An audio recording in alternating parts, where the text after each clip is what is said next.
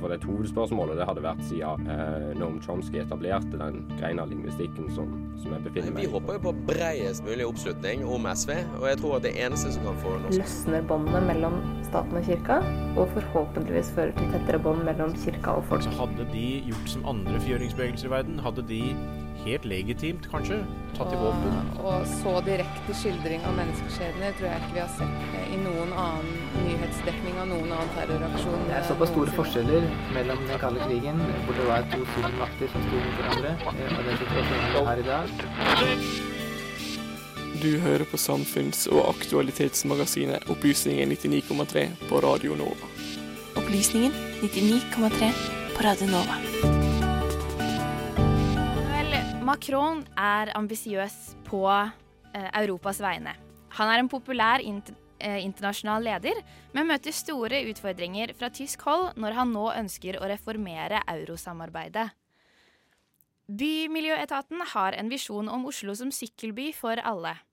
Men både kvinner og studenter vegrer seg for å sette seg på to hjul. Hva skal vi gjøre med det? På Venstres landsmøte i helgen ble det stemt nei til kjøp og salg av narkotiske stoffer i butikk. Unge Venstre har lenge vært for legalisering og liberalisering av norsk ruspolitikk. De kommer til oss for å kritisere eget moderparti.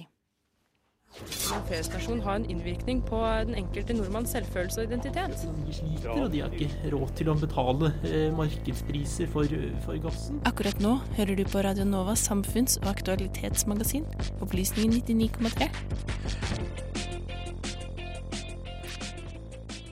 Hei og velkommen til Opplysningen 99,3 i dag, fredag 20. april.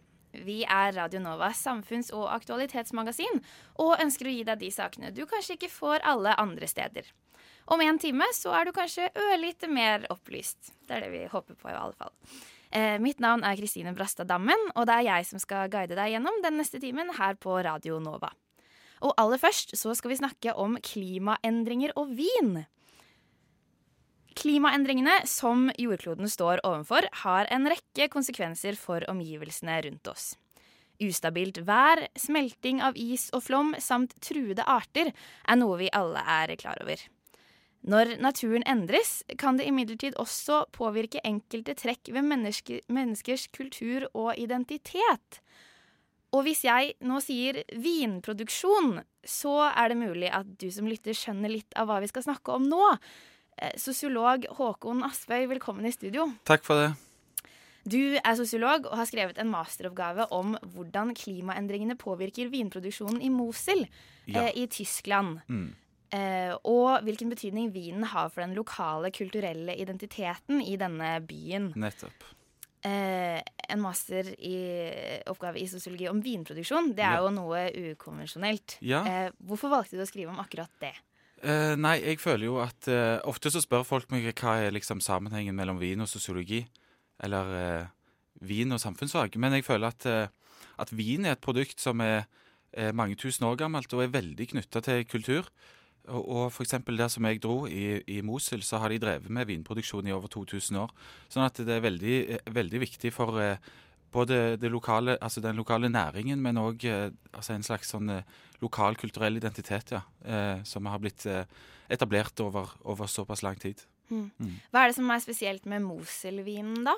Eh, altså, Mosel er et, eh, en av uh, Tyskland sine 13 uh, vinregioner, eller 12, ja, eh, som ligger helt ganske langt vest i landet, og relativt nord liggende. Det er et av de mest nordliggende vinproduksjonsområdene i verden. Så Moselvinen den er kjent for å være veldig sånn slank og lett. Eh, de har ofte lav eh, alkoholprosent. Eh, og ja, det produseres Riesling, sånn at de skiller seg fra områder som har høyere temperaturer, ved at de er veldig lette, og, og folk mener nå at du kan merke at de er liksom fra et kjølig, kjølig område. Produsert i et kjølig område. Mm. Men når man snakker om klimaendringer, så er det jo gjerne snakker man om at temperaturen stiger. Ja. Eh, hvordan vil dette kunne påvirke vinproduksjonen i Mosul? Eh, vel, det, kun, det, kan, og det gjør. Eh, det påvirker ved at, eh, at når temperaturen stiger, så, eh, så, går modningen av druene raskere. eh, og druene oppnår et høyere nivå av modning. Dvs. Si at eh, sukkernivåene i all hovedsak eh, stiger raskere eh, når druene henger ute på planten. Eh, og dermed så, eh, så, får du en litt annen karakter. Sånn som jeg sa, viner fra varmere områder kjennetegnes ofte ved en litt annen stil. og blant annet ved at, at høyere sukkernivåer da, legger grunnlag for høyere alkoholnivåer. Og det gjør da at vinen oppleves gjerne som større når du drikker den, eller litt tyngre kanskje. Ja. Mm. Og sterkere, eller? Ja, litt sterkere òg, ja. Mm. ja. Er dette noe de har sett allerede på den vinen som produseres? Ja. Um, det er jo litt delte meninger om dette. Det var derfor jeg ble interessert i det, fordi jeg leste at veldig mange vinjournalister eh, f.eks. skrev at ja, nå stiger temperaturen, og det merker vi på vinene. Siden f.eks. 90-tallet så har vinstilen endra seg litt. Sånn at det var derfor jeg ble interessert i det, fordi uh, det åpna liksom opp en verden av sånne forventninger til til en vinstil fra et visst område. Og disse forventningene har blitt, eh, de er av at det har blitt produsert en viss vinstil der over lang tid. Og det er det som er interessant eh, fra et sosiologisk perspektiv med klimaendringer, at disse forventningene da på en måte utfordres og ikke alltid innfris hos eh, forbrukere og eh, skribenter eller journalister. Ja, for som sosiolog så er man jo ofte interessert i identitet. Mm. Og vil dette kunne påvirke liksom, identiteten til innbyggerne i Mosul på noen måte? Ja, det, det, vil jeg tro, men eh, det er jo vanskelig for meg å være en sånn spåmann. Eller til vinprodusentene, da, kanskje? Ja, eh, det kan du si. Eh, nå, nå intervjua jeg disse vinprodusentene om dette. Og, og, det de ofte svarte, var at altså det var helt åpenbart at denne vinstilen var viktig for den lokale identiteten. De brukte andre vinområder for å, liksom, for å markere sin egen identitet, og for, å, og for, å, fjerne seg fra andre, på en måte, og, og, bygge opp sånne grenser mot verden rundt seg. ikke sant? De sa f.eks. ofte at ja, eh, viner fra det og det området, det liker vi ikke. De er altfor store å drikke, det går ikke an å drikke det. Vin skal være lett og delikat og sånne ting. Og det er ikke vinene derfra, mens våre viner, de er det. Så, så det er jo eh, nå har ikke klimaendringene påvirka si, denne vinen i så stor grad at, at, at den lokale identiteten er virkelig utfordra her, men klart at den kan bli det på sikt. Um, det som de òg var opptatt av, var at klimaendringene så langt hadde gitt de mer gunstige forhold for å produsere vin. Uh, dette er det litt delte meninger om, men uh, jeg, jeg, valgte på en måte å ta det på alvor, da, fordi de hadde ganske sånne gode argumenter for de fleste f.eks. sa at uansett hvor mye temperaturen stiger, så er, ligger vi så langt nord at andre vil ha det verre enn oss, på en måte. Mm. Mm. Har du studert eh, vinproduksjon nå i Norge? For nå snakkes det jo om at eh, ettersom vi får høyere temperaturer her eh, mm. så langt nord, så kan jo kanskje vi begynne. Ja, der er jo noen som har begynt òg. Jeg har ikke vært i kontakt med noen, men eh, jeg vet jo om en type som holder på i, i Lier. Og han, eh, det han er et eplebonden der, han har jo begynt å produsere vin. Og den har jo fått relativt gode kritikker også. Og han sier jo nettopp det, at eh, pga. klimaendringene så vil vi nå kunne begynne i Norge.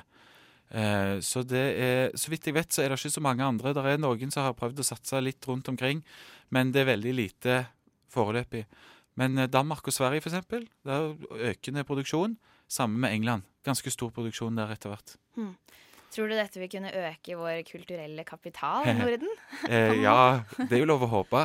Men eh, når du ser på at eh, f.eks. I, i de klassiske områdene som Mosel eller Burgund eller Bordeaux osv., så, videre, så har det vært produsert eh, vin over såpass lang tid som flere tusen år.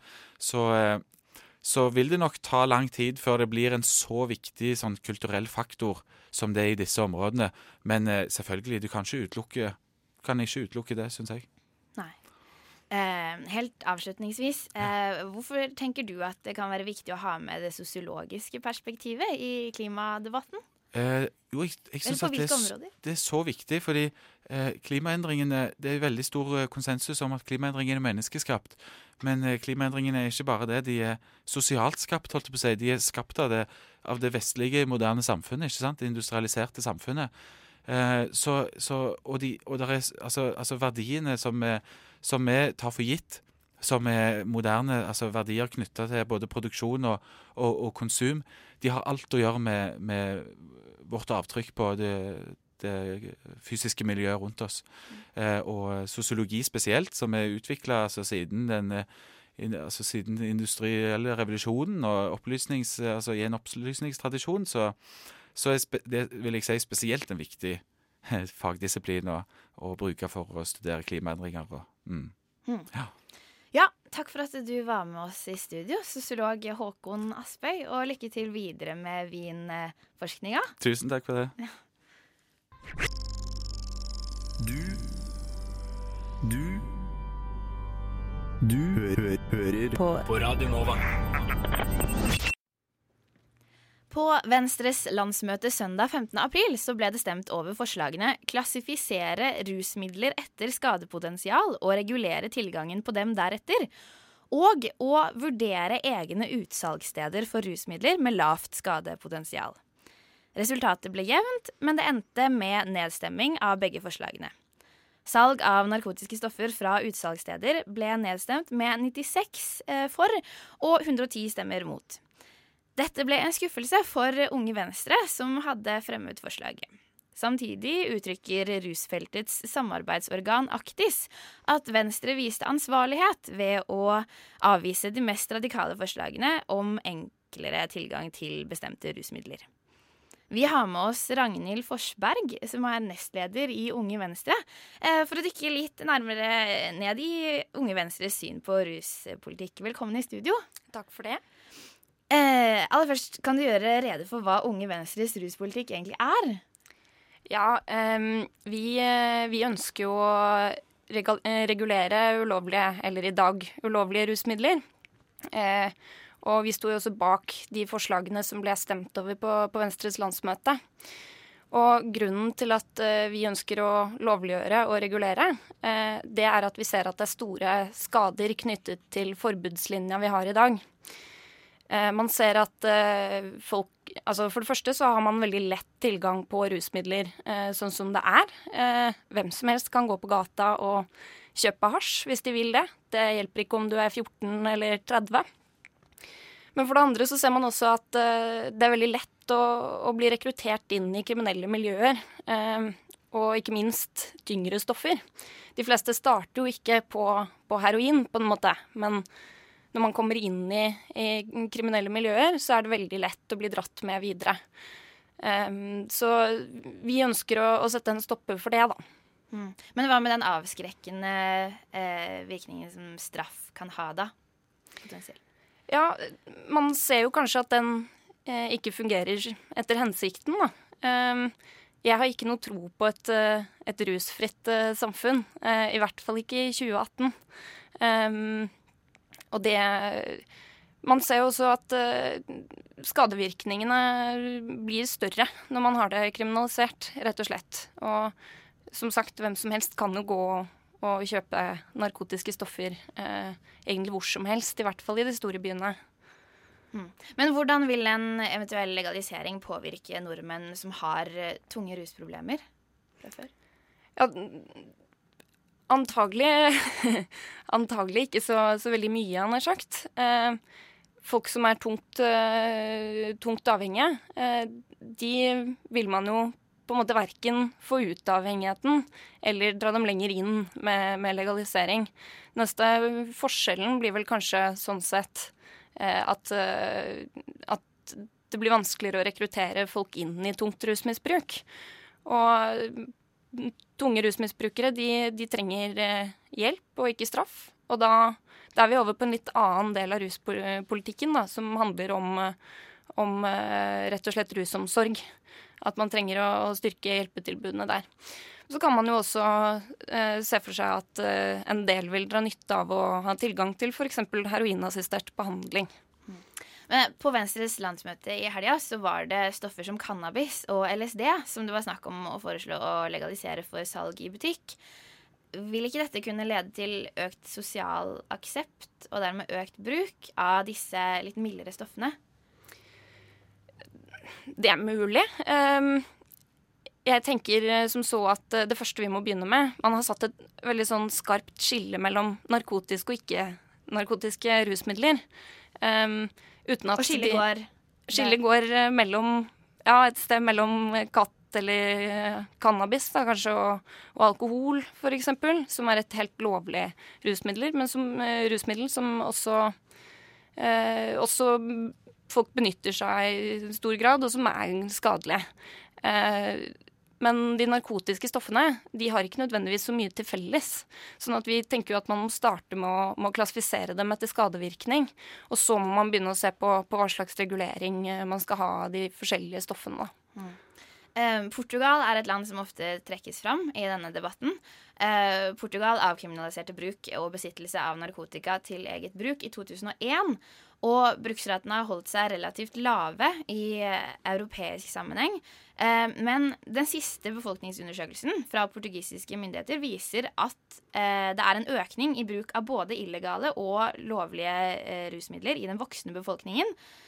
Um, og økningen skyldes først og fremst økt bruk, uh, økt bruk av cannabis. Uh, og det er også tegn på at uh, dagligbruken av cannabis har økt. Og blant ungdom mellom 15 og 16 år så har bruken steget noe i tiden etter avkriminalisering. og fra å ha de laveste bruksratene blant ungdom, så er Portugal nå omtrent på gjennomsnittet i Europa. Så hva, hva, tenker du om sånn statistikk? Nei, eh, det er mye å si om det. For det første så har jo ikke Portugal legalisert eh, narkotiske stoffer. De har avkriminalisert. Og forskjellen er jo om det er lovlig å, å selge eller ikke. Um, sånn at eh, der er det ikke lovlig å selge. Det er lovlig å kjøpe og bruke. Um, og så tenker jeg at om Litt sånn som sexlovgivninga? Ja, på en måte. Eller, ja. ja. Um, og, og det, det, er bedre enn ingenting. Jeg mener jo personlig at du ikke skal straffes for å enten for å være syk og ha et problem, eller for å sitte på ganske harmløse doser lette rusmidler, på en måte. Um, når du ikke er en del av miljøet som, som rekrutterer flere folk eh, inn i det. Um, men, eh, men jeg jeg syns nok kanskje også det er en litt merkelig ting å, å, dytte foran seg. Det at flere kanskje kan finne på å ta i bruk relativt lette narkotiske stoffer. Um, rett og slett fordi skadevirkningene er så utrolig store ved det å ikke legalisere. Uh, I Oslo så har du veldig, veldig mange overdosedødsfall uh, hvert år. Og da tenker jeg at signaleffekten, eller hvor mange voksne mennesker som bruker litt cannabis, det er veldig lite sammenlignet uh, med det, da. Men hva Altså Er overdose en direkte konsekvens av at det ikke er lovlig å bruke stoffene? Ja, altså For det første så har man jo ikke tilgang på, på ordentlig informasjon. Eh, og for det andre, altså knyttet til de stoffene man, man bruker. For det andre så, så, blir jo også rusmidlene farligere når det er en del av det svarte markedet. Eh, Fordi du, man ikke vet hva det er i de, eller? Ja, nettopp. Du så det samme under forbudstida da alkohol var ulovlig også. Da hadde man plutselig store problemer med at folk kjøpte det de trodde var etanol, men som i realiteten var metanol, som er veldig, veldig farlig. sant? Eh, så det ser man også når det gjelder narkotiske stoffer. Um, og, og, som sagt, det er grunn til å tro at, uh, at rekrutteringseffekten ved legalisering blir mindre. Sånn at veien fra cannabis til heroin eller andre tunge stoffer, uh, den er mye lenger da. Uh, helt til slutt så lurer jeg litt på om Unge Venstre har noen tanker om hvordan narkotika bør reguleres og skattes i Norge dersom det legaliseres. Ja, altså Noen tanker har man jo gjort seg. For det første så, så mener vi jo at dette må utredes. At fagfolk må, må være påkoblet eh, prosessen med å bestemme regulering. Eh, men, eh, men, det med skatt er jo et godt poeng. I dag er jo det illegale rusmiddelmarkedet digert, og ingenting av det går til, til staten, på en måte. Eh, man kan jo, man kan jo eh, skatte, skatte, en god del på rusmidler. Sånn som man allerede gjør med alkohol eller tobakk, f.eks.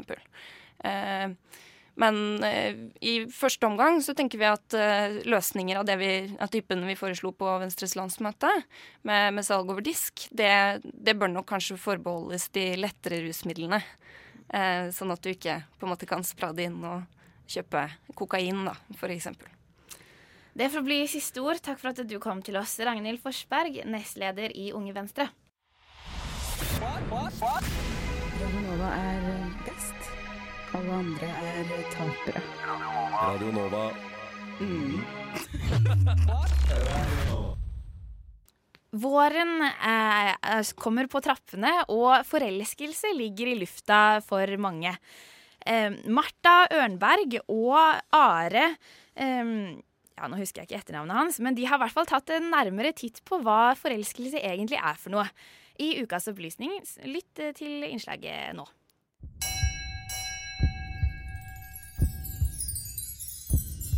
Ukas opplysning. Nå som våren endelig er her og sola kommer ut sammen med nakne knær og hud, så har folk vanligvis lettere for å falle for hverandre og bli forelska. Sommerfugler i magen, et smil som presser seg frem når du er med vedkommende, og kanskje et i overkant positivt blikk på den heldige andens egenskap og trekk. Dette er følelser vi kjenner igjen. Og selv om de kanskje kan virke alt annet enn fornuftige, så finnes det faktisk svar. Det er nemlig mange forskere som forsøker å gi forelskelse en forklaring som henger på greip. En av dem det er Donatella Marassi. Hun er professor i psykiatri ved universitetet i Pisa i Italia. Har du f.eks. merka at forelskede par har en mye mer avslappa forhold til ting? At eksamen, koking av kloden og skattekutt til de rikeste ikke er så viktig som det en gang var? Donatella hun har funnet svar, og det hun har funnet frem til, danner grunnlaget for likhetstrekk mellom forelskede og personer med OECD. Tvangstanker, altså. Likheten den ligger i funnet av signifikante mengder serotonin, hvilket innen medisinen er kjent for en beroligende effekt. Det samme stoffet tas i bruk i lykkepiller for å behandle depresjon. Om du ikke har vært forelska selv, eller hatt noen rundt deg som har vært i det siste, så har du sikkert sett en rekke nyforelskede par, i hvert fall når du har gått ut og spist. Da har du kanskje lagt merke til at mange av dem er langt mer opptatt av hverandre enn av den siste kjøttbolla på spagettitallerkenen. Dette forklarer Marassi ved funnet av stresshormonet kortisol, hvilket altså reduserer matlysten vår.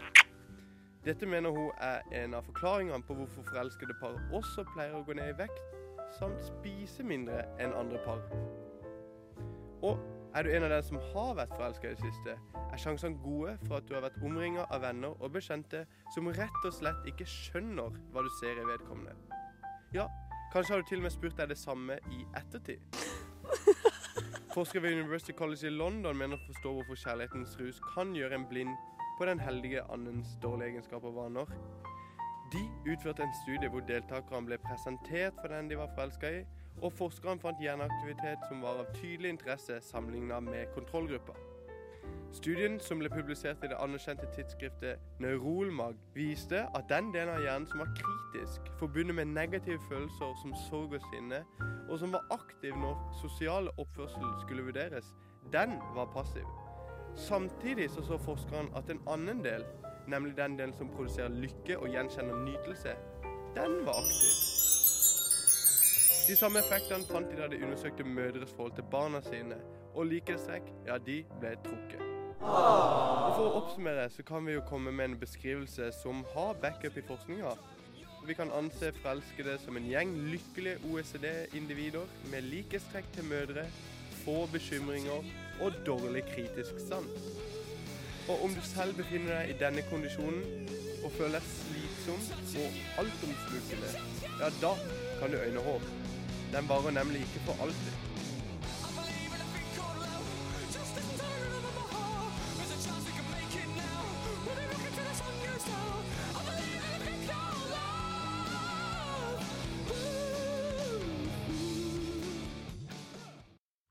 Lytter til Radio Nova.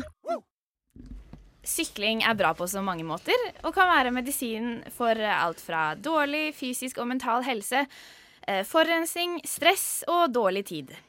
Så hva med dem som ikke får satse opp på sykkelen? Hvordan kan vi hjelpe disse? Vår reporter Are Ørnevik eh, satte seg ned med direktør for sykkelsatsinga her i Oslo for å snakke nærmere om deres uttalte visjon, nemlig en sykkelby for alle. Fungerende direktør for Oslos sykkelprosjekt, Liv Jorunn Andenes. Dere har en visjon om å gjøre Oslo til en sykkelby for alle. Likevel så ser vi at enkelte grupper holdes ute i det glade selskap som syklister får ta en del av. Hvilke grupper er minst villige til å ta i bruk sykkelen som fremkomstmiddel i det daglige? Altså det vi ser er jo at eh, De som sykler aller mest i Oslo, det er for det første er det menn. For det andre er det i alderssegmentet 30 til 50 cirka. Eh, så det er liksom det er menn i sin beste alder er liksom den typiske Oslo-syklisten. Eh, det viste iallfall reisevaneundersøkelsen vår i 2013. Nå har vi en på trappene. Eh, der, Nå skal ikke jeg avsløre for mye, den er ikke offentliggjort enda, men det kan se ut som at eh, det har endra seg litt siden sist. Utover at kvinner er underrepresentert, så ser vi òg at studenter eh, sykler mye mindre enn eh, befolkninga generelt. Og det, det er veldig spesielt fordi at i alle, eller de fleste andre byer, så er eh, studentene de er overrepresentert blant syklistene. Studenter sykler vanligvis mye mer. Eh, I Trondheim, i Cambridge, i Lund. Altså i sånne her byer. De er overrepresentert, Og- mens her er de underrepresentert. Mm. Og på landsbasis også ser vi jo at studenter sykler som bare det. Ja. Men hvis vi først tar eh, kvinnene eh, Denne reiseundersøkelsen som du refererer til, viser jo at eh, to av tre er menn ute i sykkeltrafikken. Eh, hva har det gjort siden den tid for å utjevne kjønnsbalansen i byen vår? Eh, det vi ser eh, når vi spør om hva årsaken til at folk velger å sykle og ikke sykle, så ser vi det at kvinner oppgir i større grad at det er viktig å føle seg trygg. Altså trafikksikkerhet. Tiltak for å øke trafikksikkerheten er viktigere for kvinner enn for menn. Det her med at kvinner eh, har en lavere eh, risikovilje. Altså for kvinner, kvinner er generelt eh, mer opptatt av trygghet da, Mm. eh, enn menn. Eh, det ser vi jo eh, i, når du ser på ulykkesstatistikken i biltrafikk og sånn. Altså, kvinner havner mye sjeldnere i ulykker både i bil og på sykkel enn menn. Eh, så det er jo helt klart eh, at kvinner er mer opptatt av trygghet. Og det at det å ha trygge sykkelbyer der bruker en ofte eh, kjønnsbalansen som en indikator på hvor god sykkelby det er. For der du har en jevn kjønnsbalanse, kanskje til og med overvekt av kvinner, Mm. Eh, det er gode sykkelbyer. Og hvilke tiltak har dere da gjort for å bedre sikkerheten? Vel, vi gjør veldig mye. Men hvis jeg skal nevne på en måte hovedgrepet, så handler det jo om eh, å, å lage separate sykkelveier der det er plass til det. Eh, der det er mye trafikk. Så har Oslo veldig mange gater med veldig lite trafikk og veldig lav hastighet. Eh, som allerede er veldig fine å sykle i. Så det å faktisk gjøre folk bevisste på at sykkelen er et veldig effektivt eh, transportmiddel, eh, spesielt i en by som Oslo, her er det korte avstander. Mm. På sykkel kan du ta mange snarveier. Du kommer deg fram eh, der bilen eller bussen eller trikken ikke går. Helt klart, helt klart. Men, men mye av det man eh, sier vel i denne reiseundersøkelsen at man er bevisst på at sykling er et alternativ, men per eh, dags dato, eller i 2013 da, så virker det for utrygt.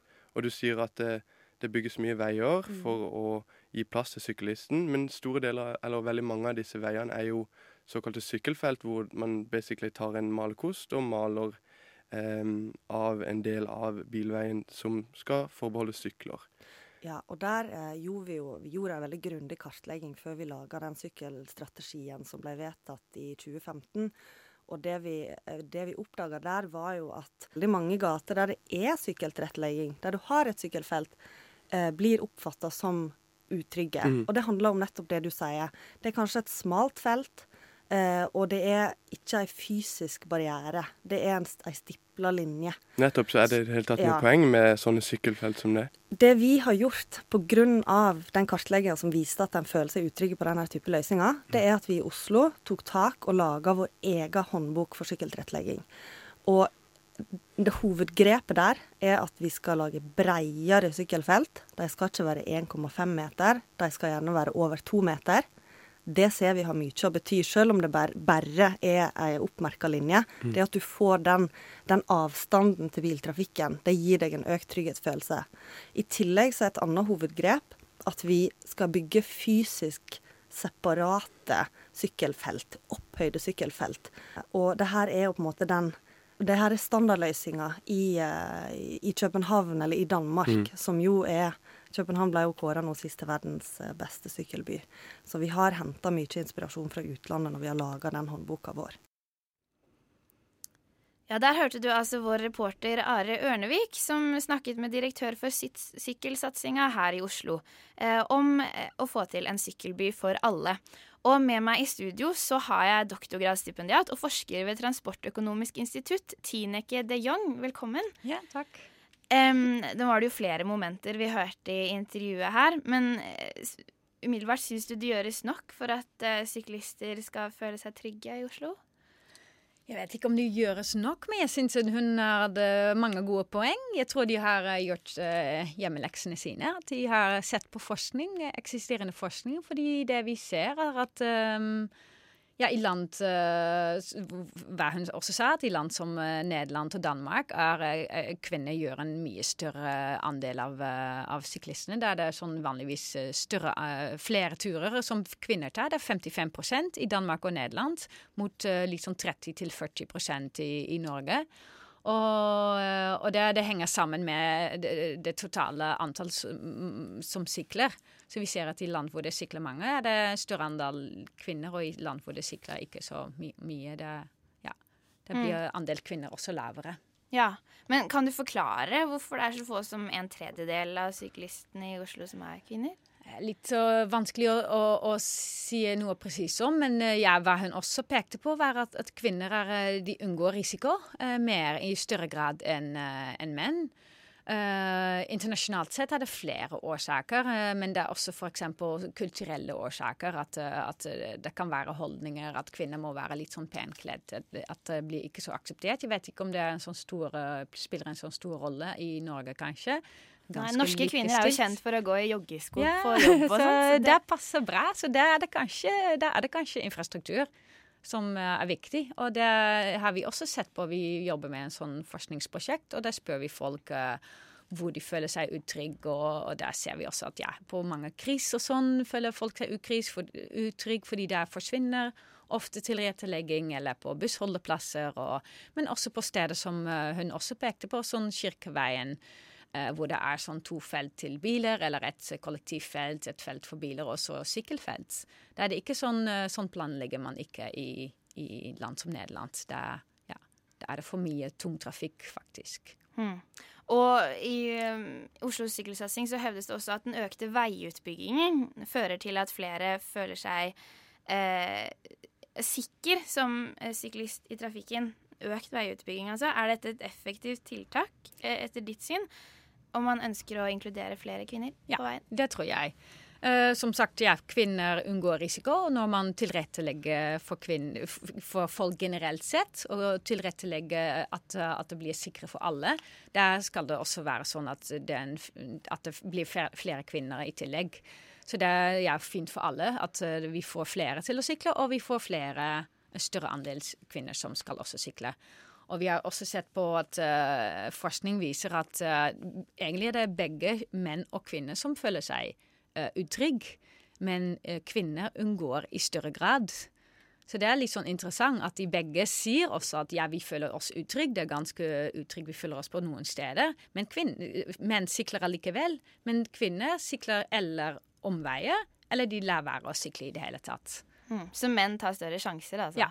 ja. Eh, men forskning viser også at kvinner sykler kortere og saktere enn Mm. menn i Oslo. Eh, hvorfor tenker du at de har dette mønsteret? Er det et problem i trafikken? Mm, Jeg vet ikke om det er et problem, men det er noe vi ser generelt sett. Og fordi det er litt sånn eh, også kanskje noe med likestilling å gjøre. Vi ser også i andre land at kvinner generelt sett eh, reiser flere turer og kortere turer. Og det har noe å gjøre med at kvinner kanskje har større ansvar for eh, barn og dagligvære. At kvinner stopper oftere på vei tilbake fra jobb for å hente dagligvære eller uh, kjøpe noe eller uh, ja, organisere noe eller ta med barn. Men det, det, det, Derfor har de kortere turer, men det kanskje øker det også kravene de har. Fordi når du sykler med reisesykkel alene i i, i, på veien, da er det kanskje ikke at du har sånne høye krav til sikkerhet, men når du sykler med barn og med dagligværet til og med, der blir det kanskje litt mindre balanse, og da det, føler du deg også kanskje utrygg. Så det kan også påvirke hverandre. Hmm. Eh, helt til slutt her nå eh, skal vi prøve å oppsummere litt. Eh, de tiltakene dere på Transportøkonomisk institutt mener jeg er best å sette i verk for å få flere opp på sykkelsetet? Um, ja, vi, vi ser at eh, kvinner, eller flere generelt sett, at, at, sikker, sikkerhet er veldig viktig. Sikkerhet og komfort. Så eh, ja, at de nå fjerner kanskje grus fra veien snart, er eh, mye mer komfortabel og mer sikker. At de tilrettelegger for eh, mer separerte eh, sykkelveier er veldig fint, fordi det er også mye mer sikker. Men også f.eks. noe som er også viktig, at eh, når du ser på sånne studier hvor man Uh, ser hvor man sykler, da er det også sånn biveier. uh, mer sånn biruter som folk der. Og de satser de også på det i, i Oslo, og det er bra. For folk liker ikke så veldig godt å sykle på sånne hovedfartsårer. Tusen takk for at du kom i studio, doktorgradsstipendiat ved Transportøkonomisk institutt, Tineke de Jong. Radio Nova.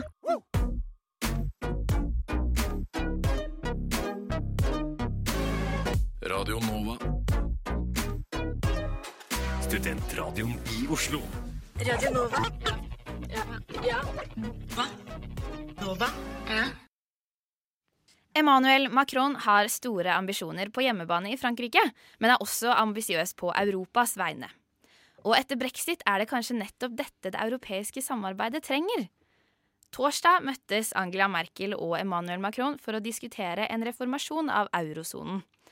Macron har foreslått å opprette et eget budsjett i eurosonen, men motstanden på tysk side er sterk.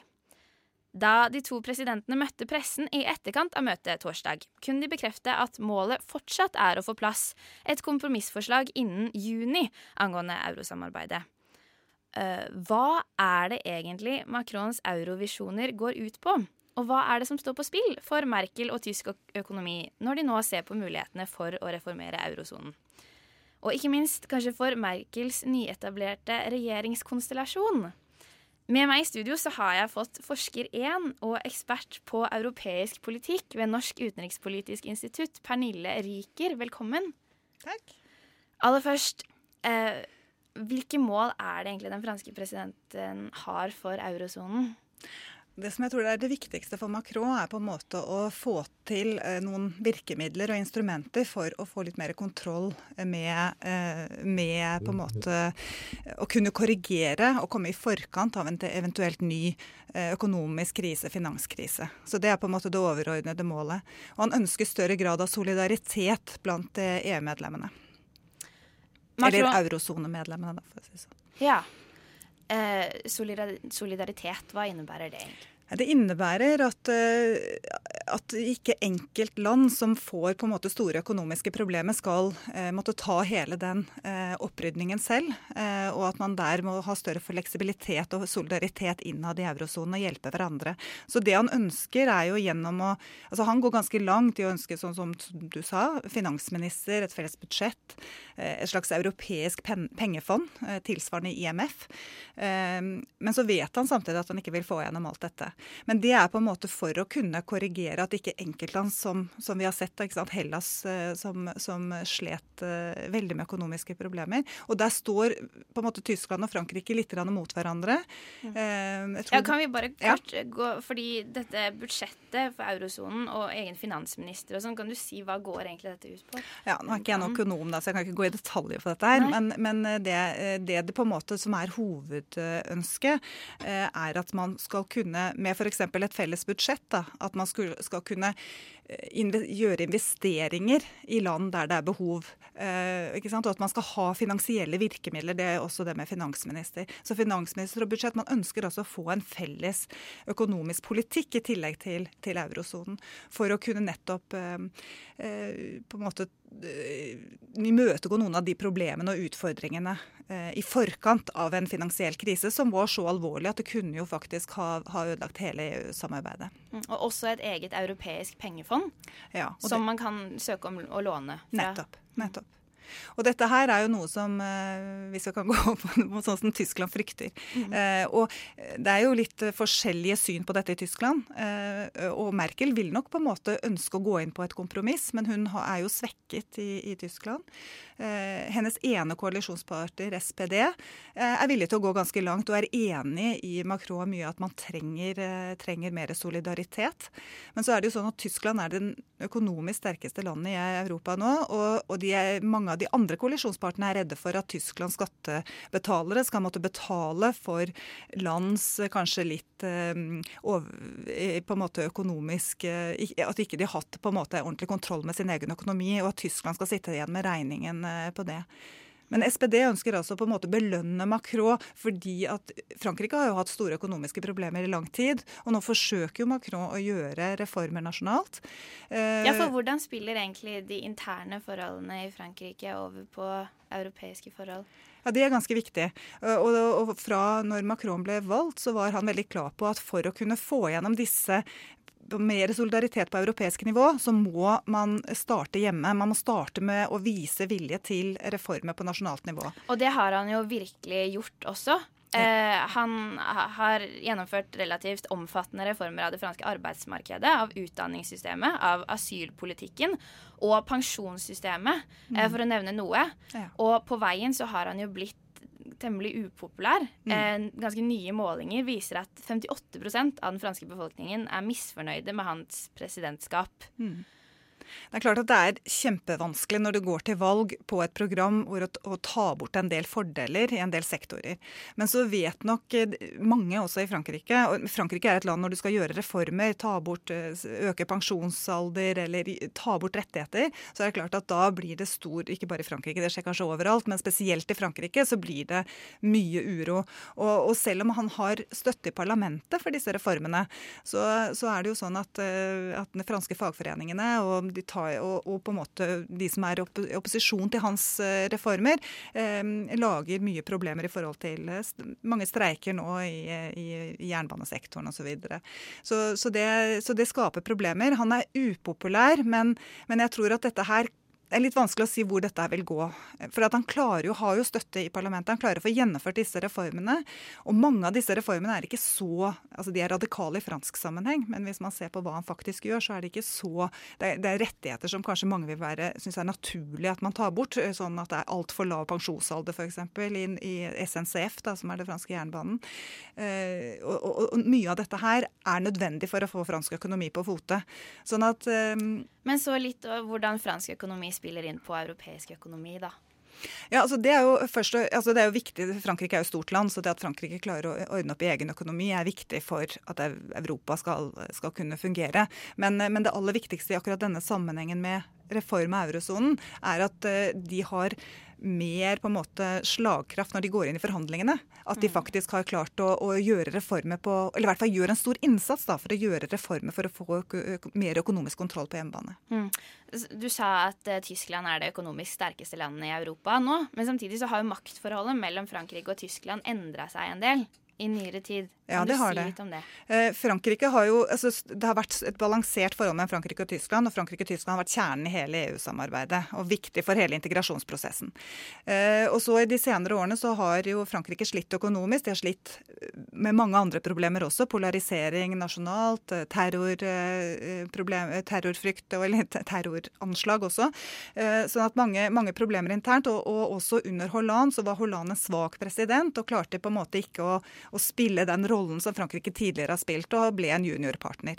Det ser vi en endring nå med Macron, som ønsker å ta tilbake på en måte fransk lederskap i Europa sammen med Tyskland. Eh, han sa i Davos at France is back, eh, Europe is back.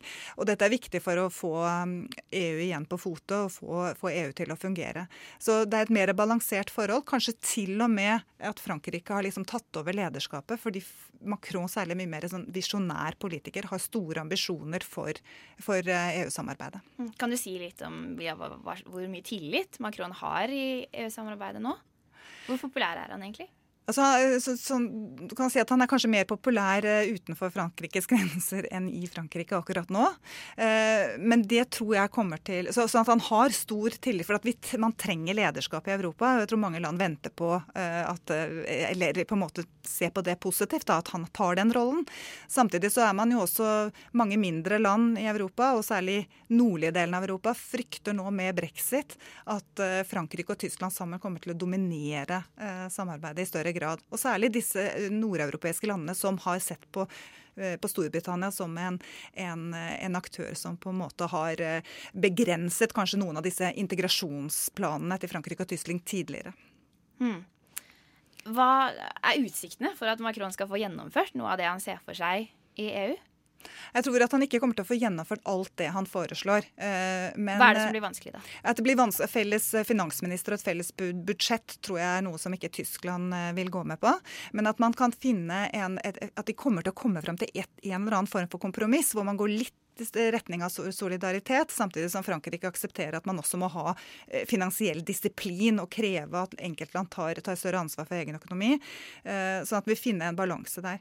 Akkurat hva det vil bli er litt vanskelig å si, men en styrket bankunion eh, kan man se for seg. Og også at den, den europeiske stabiliseringsmekanismen man har i dag, ikke blir utviklet til et, til et pengefond i så måte, men kanskje et mindre fond for å, for å kunne, kunne, avhjelpe i krisetider, da, enkeltland. Mm. Nå løper tida helt fra oss, men det er spennende eh, felt, det her, syns jeg. Tusen takk for at du kom i studio for å diskutere fransk og europeisk storpolitikk. Pernille Riker, europaforsker ved NUPI. Takk. Ja, det var det vi rakk i ukas avsnitt av Opplysningen 99,3. Medvirkende til eh, denne sendinga har vært eh, Marta Ørnvik, Frikk Helvik, Are Mesland Ørnevik og Nicole Madeleine Myhrer. Tekniker var Annika Selin Bogen, og programleder var Kristine Brastad Dammen. Du finner sendingene våre som podkast, eh, iblant så poster vi litt på Facebook, selv om vi kanskje ikke burde lenger, men det er en annen sak. Og så er vi her i studio neste fredag mellom 10 og 11. Ha det bra så lenge.